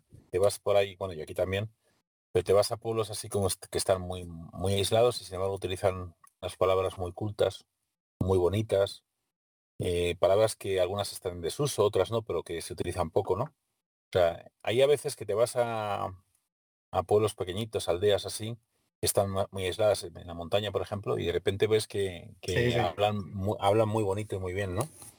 aquí, por ejemplo, todavía tenemos la costumbre de utilizar el ancina. En vez de decir así es, eh, ancina es. En ah, algunas partes de la sierra. Ancina es. Sí, es. Ancina es. Sí, eso también lo he escuchado muchas veces en algunos sitios. Sí, es un arcaicismo que se nos quedó por, por aislado. está en desuso, es un adverbio en desuso, pero que, que, es como así, ¿no? Pero sí, efectivamente. a mí me ha pasado una cosa muy curiosa también. Que claro, cuando tú, tú bueno, yo lo que pasa es que también tengo la ventaja que me la he pasado viajando siempre, entonces ya eso es muy importante, ¿no?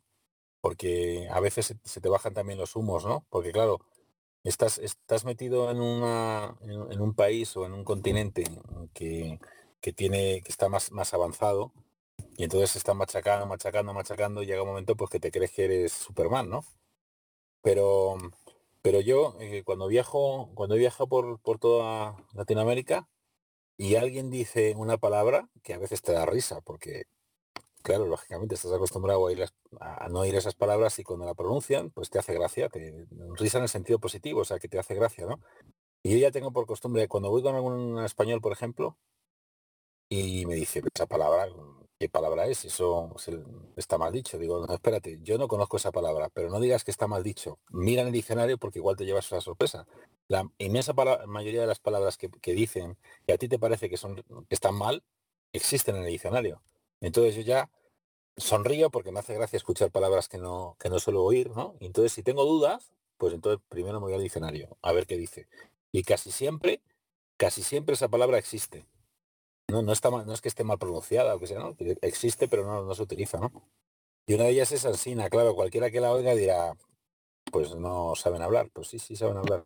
Yo pensaba que ellos lo decían, que, que, o sea, que están diciendo algo mal, que están diciendo como sí, pero que lo están diciendo mal a propósito. Y no, me dijeron, no, no, Ancina es, es, eh, lo estamos diciendo bien. Claro, lo que pasa es que ahora se ha quedado en desuso ese adverbio que lo utilizan solamente en las zonas rurales. Eh, yo pensaba que era un mexicanismo. Yo, pensaba que cuando, leo, cuando, Paul me lo decía, mm. cuando Paul me lo decía, yo, a mí me da risa porque pensaba que era un mexicanismo. Y un día creo que se los dije. Y me dijeron, no. Güey, es en serio. O sea, sí existe, güey. Sí, sí, sí, sí existe, güey. Sí que existe, sí. Sí que existe, sí. Como esas hay un montón de palabras pero un montón, un montón, sí, así es. Ah, totalmente. Mira, y, Santiago, una pregunta completamente distinta. ¿Te, parece que un español tiene más en común con, la gente con la que vives en el, en el Amazonas o, con un, qué sé yo, con un sueco o algo así, con un danés? Claro. Pues fíjate, yo te digo a ti que sí, que mucho más con una gente que vive en el Amazonas. De verdad que sí. A ver, es que hay suecos y hay eh, alemanes y hay tal que en los últimos años viajado y entonces ya como que sí, ya son muy parecidos. Yo he conocido a mucha gente, pues concretamente sueco, un sueco, por ejemplo, que hace mucho que no sé de él, poco tanto, desde el 2013 no sé nada de él, pero que he tenido mucha relación porque lo conocí en Dominicana, República Dominicana. Y, y él, claro, lógicamente al estar metido en República Dominicana, tener una pareja República Dominicana, pues ya se van haciendo una estructura un poco distinta mental y tal. Y aparte que la gente que suele viajar y quedarse bien en los países latinoamericanos es también porque tiene una forma de ser diferente, ¿no? Pero eh, hasta, hace no, hasta hace pocos años, porque ahora la gente viaja, antes no viajaba casi nadie, y cuando viajaban, pues viajaban con un tour o iban a un hotel y poco más, ¿no? Pero la diferencia antes era muy, muy grande, gigantescamente grande. Ahora hay mucha diferencia. Yo veo mucho más parecido a, un indígena de la comunidad, por ejemplo, a Sánica, por decir algo atalaya, que, que en, un, pues no sé, un inglés o un alemán un sueco que, que en verdad no haya salido de ahí de su mundo, ¿no? Yo lo veo, vamos, totalmente más diferente y me, me llevo mejor, me entiendo más, mejor, que sea, muchas más similitudes, no, no tengo ninguna duda de eso. Ah, muy bien, está, registrado, está registrado. Alguien con experiencia le dice, no, te, lo, te pregunto eso porque mm, justamente eh, este origen, el, lugar de donde venimos, como te comenté, esta, ese como derecha un poco más racista anglo, uno de los, de los memes o de las ideas que tienen ahí es que eh, todos los blancos se parecen y todos los blancos tienen más en común entre sí que con cualquier otra persona. básicamente están, están tratando como de crear una, una identidad paneuropea, Vamos como si todos los europeos fueran iguales. ¿no? A ver, tiene, a ver, que los europeos se parezcan, pues tiene su sentido. Ahora, que me ha dicho blanco, yo del blanco no lo entiendo, no lo entiendo, sinceramente no lo entiendo. O sea, a ver, para mí. Europeo, blanco igual europeo, para no, para no confundirnos. Si tú, dices europeo, ya puede que hablemos un poco de cosas parecidas, pero si hablas de blanco no lo entiendo. yo entiendo, por ejemplo, que un negro puede ser distinto a un blanco según donde viva. O sea, si un negro nace en Europa, pues yo estoy seguro que va a ser muy parecido a cualquier otro blanco. O sea, yo no digo que las razas no tengan sus características, pues claro que las tienen genéticas, eso no es indiscutible y seguramente que tendrán mucha similitud por la genética negra, aunque nazcan en Europa. Yo estoy seguro que eso, eso, o sea, la genética tira, claro, lógicamente. Eso no. Pero vamos, que, que, puede más la genética o puede más el ambiente, eh, la cultura. ese, es el debate, ese es el debate. no, es que, es que no cabe duda ninguna que es lo segundo. O sea, vale mucho más. Estoy diciendo que ese es, el, debate para, para, mm. mucha gente, pues por decirlo así. Y hay, gente que hay gente que cae en, digamos, en, tres, en tres extremos. No, que solo los genes cuentan, la crianza no importa y te van a decir que un negro en Europa siempre será negro, no importa la crianza, no importa si ha pasado ahí eh, cientos de generaciones, su familia y demás. Ese, es un extremo. El, otro extremo hay gente que te dice que no, que los genes no interesan nada, que tú transportas a una persona a otro lado y mágicamente se convierte, como qué sé yo, yo me mudo a China y al mes soy chino. Eh, ese es el otro extremo. Y luego está el otro, el, como el, centro más razonable, que es como, bueno, los genes tiran, pero oye, la, la crianza también afecta, ¿no? La educación también afecta. Bueno, pero a ver, yo no sé qué estudios habrá de ese tema, no he visto, no he leído ningún no, estudio no, que diga... No, no, importa, no nos tenemos que meter en eso, simplemente era, como, o sea, quería, quería como preguntarte por tu experiencia que has tenido con todo esto, de, digamos, tu primera, tu primera impresión de yo te digo esto, y eso, era lo que me, lo que me mm, interesaba, que tú no, no, dijiste algo así como, ah, no, sí, definitivamente un español tiene más en común con un sueco, o una cosa así. Eh, eh, eh, tu respuesta es, pues depende del sueco, depende del español, etcétera, etcétera, pero de buenas a primeras lo, que has, lo que has venido diciendo durante todo el show eh, o durante todo el episodio. Desde luego que hay más similitudes con alguien de Latinoamérica que con alguien del norte de Europa. Yo eso lo tengo clarísimo. Es eso, básicamente. Es, esa era la conclusión. A, ver, quería que confirmaras nuestros prejuicios, este Santiago. Yo desde luego, si tuviese que, si tuviese que decidir entre ¿Con quién se tiene que unir España, por ejemplo, si con el resto de Europa, si tuviese que decidirlo, que no hace falta decidir eso, pero si hubiera que decidirlo, yo desde luego lo que haría sería irme de forma natural hacia Latinoamérica. Es que yo creo que es lo normal, vamos. primero por todo, es que además ha habido una historia tan potente que es imposible quitársela de encima. O sea, la historia es muy importante. Luego, pues que hay mezclas, es que ya Latinoamérica es una mezcla, entonces eh, es muy parecido a los españoles, y, ¿no? Y luego además, pues hay muchísimas más razones, pero lo lógico es que te unas es una, unión más, más natural. ¿no? Hay una cosa muy importante también, es que los españoles eh, se, unen con las mujeres desde siempre. ¿no? para ellos una mujer es mujer independientemente de donde sea, del color que sea, y no importa nada. Allá donde van, se ven todas las historias, cuando los españoles se van a cualquier sitio, pues con las mujeres que encuentran, pues se forman sus parejas. Sin embargo, eso no ocurre con otras. Tengo un montón de anécdotas en Latinoamérica. Por ejemplo, he estado con, con, en Paraguay, en, en Filadelfia hay una, una, colonia de menonitas. Eh, y yo tenía experiencias ahí pues brutales, porque yo fui allí hace unos hace ya muchos años, con la intención de poder contactar con algunos indígenas en la zona, ¿no? Y ahí para mí fue un choque brutal. Bueno, lo primero que hicieron fue amenazarme, decirme, si te metes en, ahí en el Chaco, ¿no? Pues está pegando a Bolivia, en el Chaco paraguayo, si te metes ahí, pues te vamos a matar, así claramente, ¿no? Entonces dije, bueno, pues eh, no me meto yo solo, pero llevarme. Llevan a un sitio donde lo que yo vi eran zoológicos humanos, o sea, eran como aldeas artificiales donde tenían allí metido a esa gente como si fueran animales, ¿no? Y ahí hay muchísimas cosas en Paraguay. Y ahí, ahí fue también donde, donde te das cuenta, ¿no? De, de, todo eso, ¿no? Cómo es, cómo es España cuando se ha ido mezclando, ¿no? Y cómo son otros países que no se han mezclado. Para nada. Para... Y recuerdo una conversación que me dijo este señor. Dice, yo, porque yo le, decía, digo, vamos a ver, yo estoy viendo que, que los indios van a Filadelfia, van a la misa, eran misas abiertas solamente con techo, y los curas eh, dan misa abierta y van ahí todos los indígenas. Y sin embargo vosotros, porque pertenecen a otra religión, a que sea X, cristiano también, pues em, vosotros no, vosotros no, no, no, juntáis, sino que sois muy discriminadores y no veo que todas las mm, parejas son todas rubias, ¿no? O sea, vosotros estáis con las mujeres rubias, sin embargo me voy al otro lado y veo que están mezclados, veo que hay parejas que son indígenas, veo como una mezcla, ¿no? Y aquí no, aquí todos os mantenéis así de mismo color todos, ¿no? Y él me dijo una cosa que me dejó totalmente de piedra, yo ya hace unos cuantos años ya.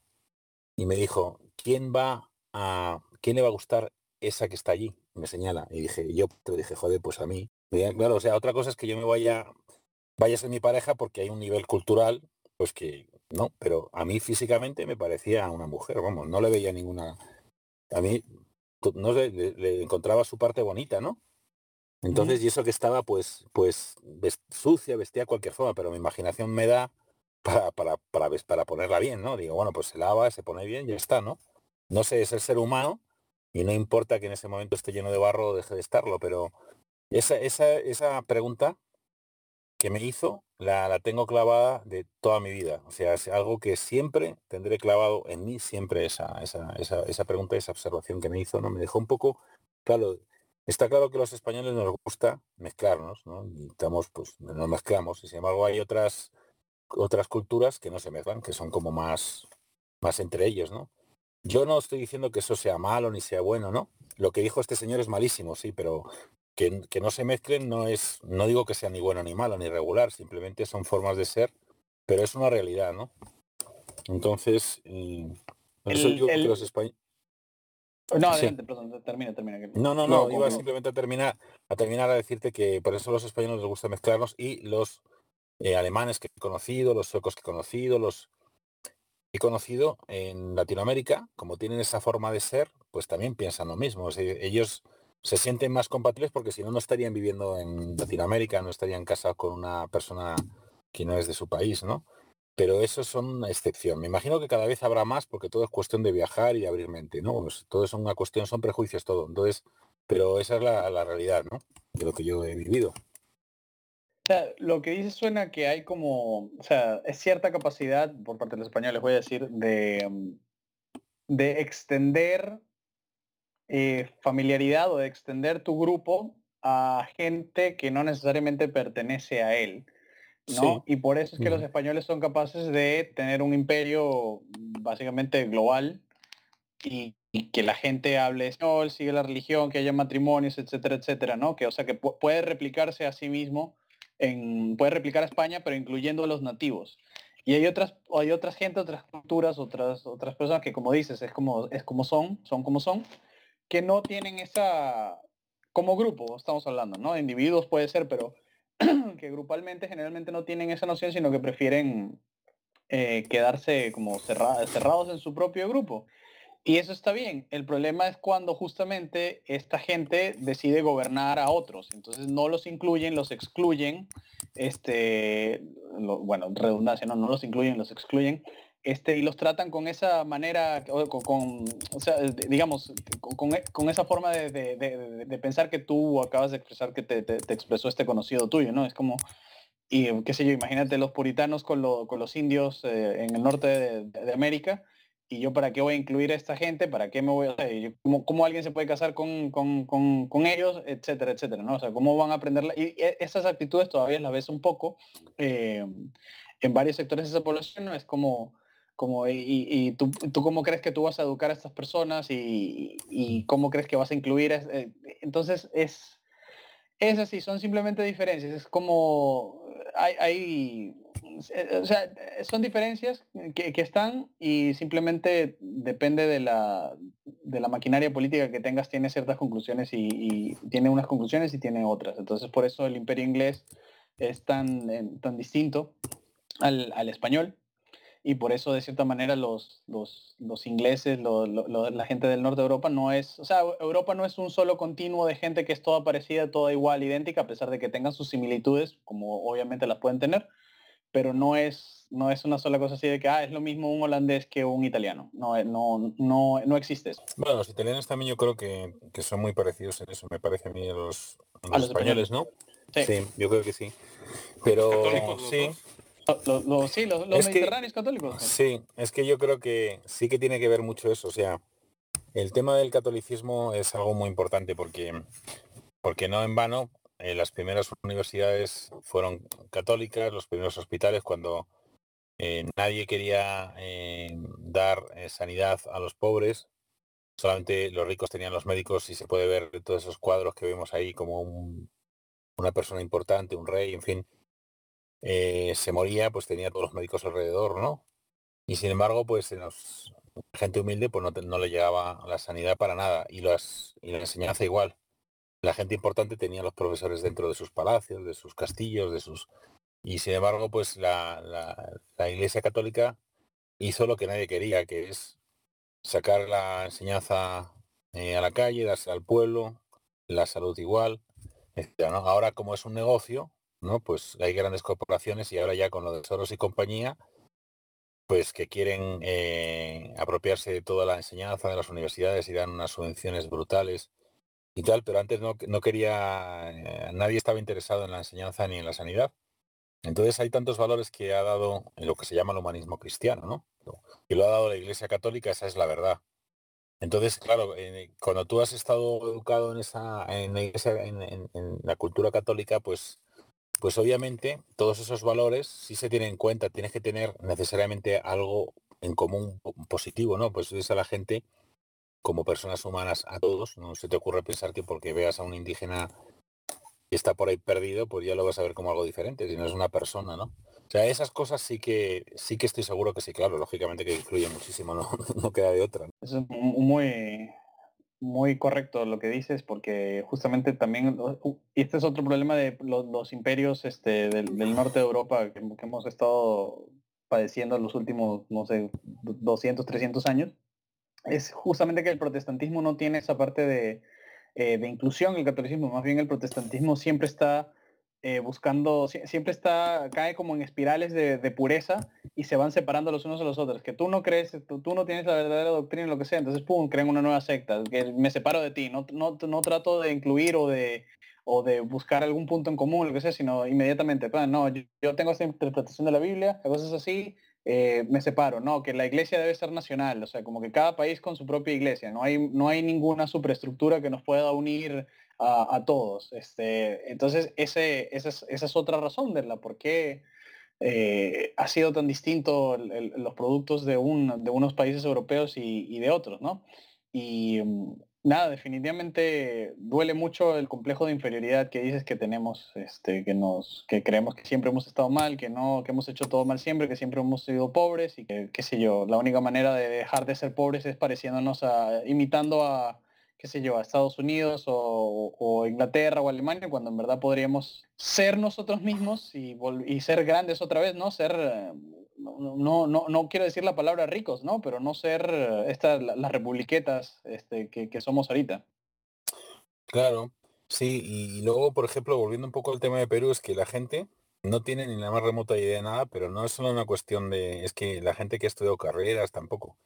Por ejemplo, nadie sabe que las Cortes de Cádiz eh, se hicieron en íntima conexión con Perú. O sea, no se puede entender las Cortes de Cádiz, la famosa eh, constitución llamada la PEPA, etcétera, sin, sin Perú. O sea, es que es imposible entenderlo. Entonces, incluso tampoco es, eh, hay mucha gente que sabe, por ejemplo, que hubo un sanmarquino, un tal Morales Duárez, que fue presidente de la Corte, por ejemplo, que la Constitución se hizo, en la Constitución, padres de la Constitución hay algunos que son dos, dos peruanos, creo que son dos, creo que son solamente dos, pero hay dos peruanos. O sea, yo todo eso, y este, este Morales Duárez nació en Lima, de 7, 757, quiero recordar. Entonces, todo eso es una de, una, de un desconocimiento total, total eh, del peruano que vive eh, totalmente de espaldas a, la historia y de espaldas a sus antepasados. Y, claro, ¿cómo tú vas a ser feliz si tú reniegas de tus antepasados? O sea, es que eso es una cosa totalmente loca, ¿no? Tú tienes que estar orgulloso de tus antepasados y si han hecho algo mal está bien, pero no van a hacer todo mal, ¿no? Algo habrán hecho bien. Yo tengo una, experiencia en la República Dominicana, exactamente donde están ahora Punta Cana, todos los hoteles ahí y tal.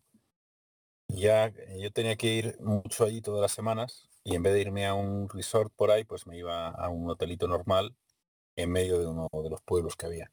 Entonces la gente pues me contaba cosas y ahí pues casi todos son negros o mulatos y que, bajaron por cierto de la zona de, Haití, que es donde estaban todos los cultivos de caña franceses.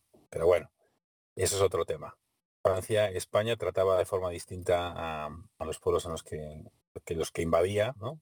por los que llegaba a acuerdos, etc. Pero ellos me decían, claro, entonces la historia que me contaban es, muy, es, una cosa totalmente infantil. Digo, bueno, ¿y cuáles ustedes, qué, qué, historia ustedes conocen? ¿No? Cuando me preguntaban a mí dónde era, se interesaban, ¿no? Entonces, no, pues nosotros estábamos aquí viviendo y vieron los españoles por ahí, por el mar, me señalaban y nos invadieron. O sea, es que cuando vinieron los españoles no había ni un solo negro. Entonces tienes que explicarles a ellos eso. O sea, tienen un cacao impresionante, tienen un lío tremendo. Y esa es, eh, sí, esa es una anécdota que te, hace darte cuenta que la gente no tiene ni idea de nada porque la, confunden, la cuentan. O sea, ahora mismo todo se basa en odiar a los demás y también en tener miedo. Ya estamos viendo que la crisis esta es una crisis del miedo. Porque no, o sea, ahora mismo ¿quién puede solucionar todo esto? Pues la información. Pero la información está manipulada, Twitter, ya lo vemos con Trump, que está haciendo muy bien, tiene toda la razón con lo que con lo que está haciendo contra contra Twitter, Facebook, en YouTube ni digamos. O sea, todo es una manipulación tremenda. Entonces todo se soluciona con información. Por eso, volviendo un poco al principio que os decía, que quienes estéis metidos en, todo este, en toda esta historia, de volver a recuperar el pasado eh, y, llegar hasta el punto donde hubo un quiebre y empezar a construir algo nuevo, que tiene que ser nuevo porque los tiempos son distintos, pero basado en una, en una construcción, en un cimiento correcto y no falso, yo creo que es una labor fundamental. A mí me parece que por ahí es donde puede venir la solución a todos los problemas de Latinoamérica. Y entonces es muy, muy importante el, trabajar en ese sentido y hacerlo de forma eficaz, porque de nada vale hablarlo por aquí, por allí, sino hay que hacer algo realmente eficaz, que llegue, ¿no? Y es algo muy, muy, muy importante. Bueno, me parece, llevamos hablando una hora y media y me parece que con esas palabras son más que perfectas para concluir. ¿Qué les parece si lo dejamos hasta aquí? Una hora y media. Podemos dejar, Santiago, puedes venir en otro momento para hablar de cualquier otro tema inconcluso que hayamos tenido, la, anécdota de cómo llegaste hasta Perú, podemos hablar de toda la cuestión del, del virus y todo lo que está pasando. Pero... Sí, cuando queráis, cuando queráis, pero si queréis, si queréis podemos seguir así otras tres o cuatro horas más, porque así al final diré cosas, diré cosas que nadie va a escuchar. al final. Porque nadie va a aguantar más de, más de media hora, pero Bueno, siempre podemos grabar infinitas horas y luego el programa se divide en no, sé cuántos, ¿no? Pero ya yo no he cenado, tengo que cenar. y mañana perfecto, hay que perfecto. O sea, tú eres humano, tú eres humano. Yo soy, humano nada más. No, pero no tengo problema en, No creo que nadie aquí tenga problema en volverte a traer y, que una hora y media más de algún otro tema. Por supuesto. cuando queráis. Claro que sí, señor. Muy bien, pues muchas gracias y es un, placer estar con vosotros. Y nada más, ya, pues, cuando queráis me, llamáis y nos conectamos. Perfecto, muchas gracias por venir Santiago. Eh, gracias a bueno todos los, los, competidores aquí, gracias Cabernario, Paul, eh, Raúl que llegó tarde y se mantuvo calladito. Puedes, puedes saludar ahora, Raúl, di hola. Buenas noches y adiós. Buenas noches y adiós. Bueno, pero si, no llega a ser por él, no hubiéramos hecho nada, porque la energía, yo soy mucho de energía, la energía es una cosa muy importante. Y yo creo que además que esté callado yo creo que está bien. O sea, ha sido una, bien en el sentido de que es que, que es que nos ha, nos ha nos ha eh, dado un buen y aparte de todo nos ha puesto buena nota porque si hubiera visto que estamos diciendo cosas que no eran correctas o que aburrían a la gente seguramente que hubiera metido cuchara pero no lo ha metido así, pues, es así es así muy Raúl no se queda callado Raúl no Raúl no tiene miedo de llevarle la contraria a la gente muy bien por eso lo queremos bueno muy bien muy bien excelente todo lo que me alegro me alegro que Taipiré uniéndosenos desde, desde Perú 2.0. Taipiré, no. Se murió. Se desconectó, se murió, está muerto. Se, murió, está muerto. Se fue el, internet. Se, no, está como... Sí, ah, no, ya ha vuelto, ya ha vuelto, parece. No, no. Sí, sí está, pero no, no, no, está No importa, Taipiré estuvo aquí. Taipiré was here. Entonces, bueno, muchas gracias a todos, a todos en la audiencia por, por, escuchar. Esperemos que hayan sacado provecho de este programa y sí, Santiago volverá en algún otro momento. Entonces los dejaremos saber. Muy bien, muy bien. Muchas gracias por todo, Santiago. Nada, al contrario, de acuerdo, gracias. Chao, chao. Buenas noches. Gracias, gracias, buenas noches. hasta luego.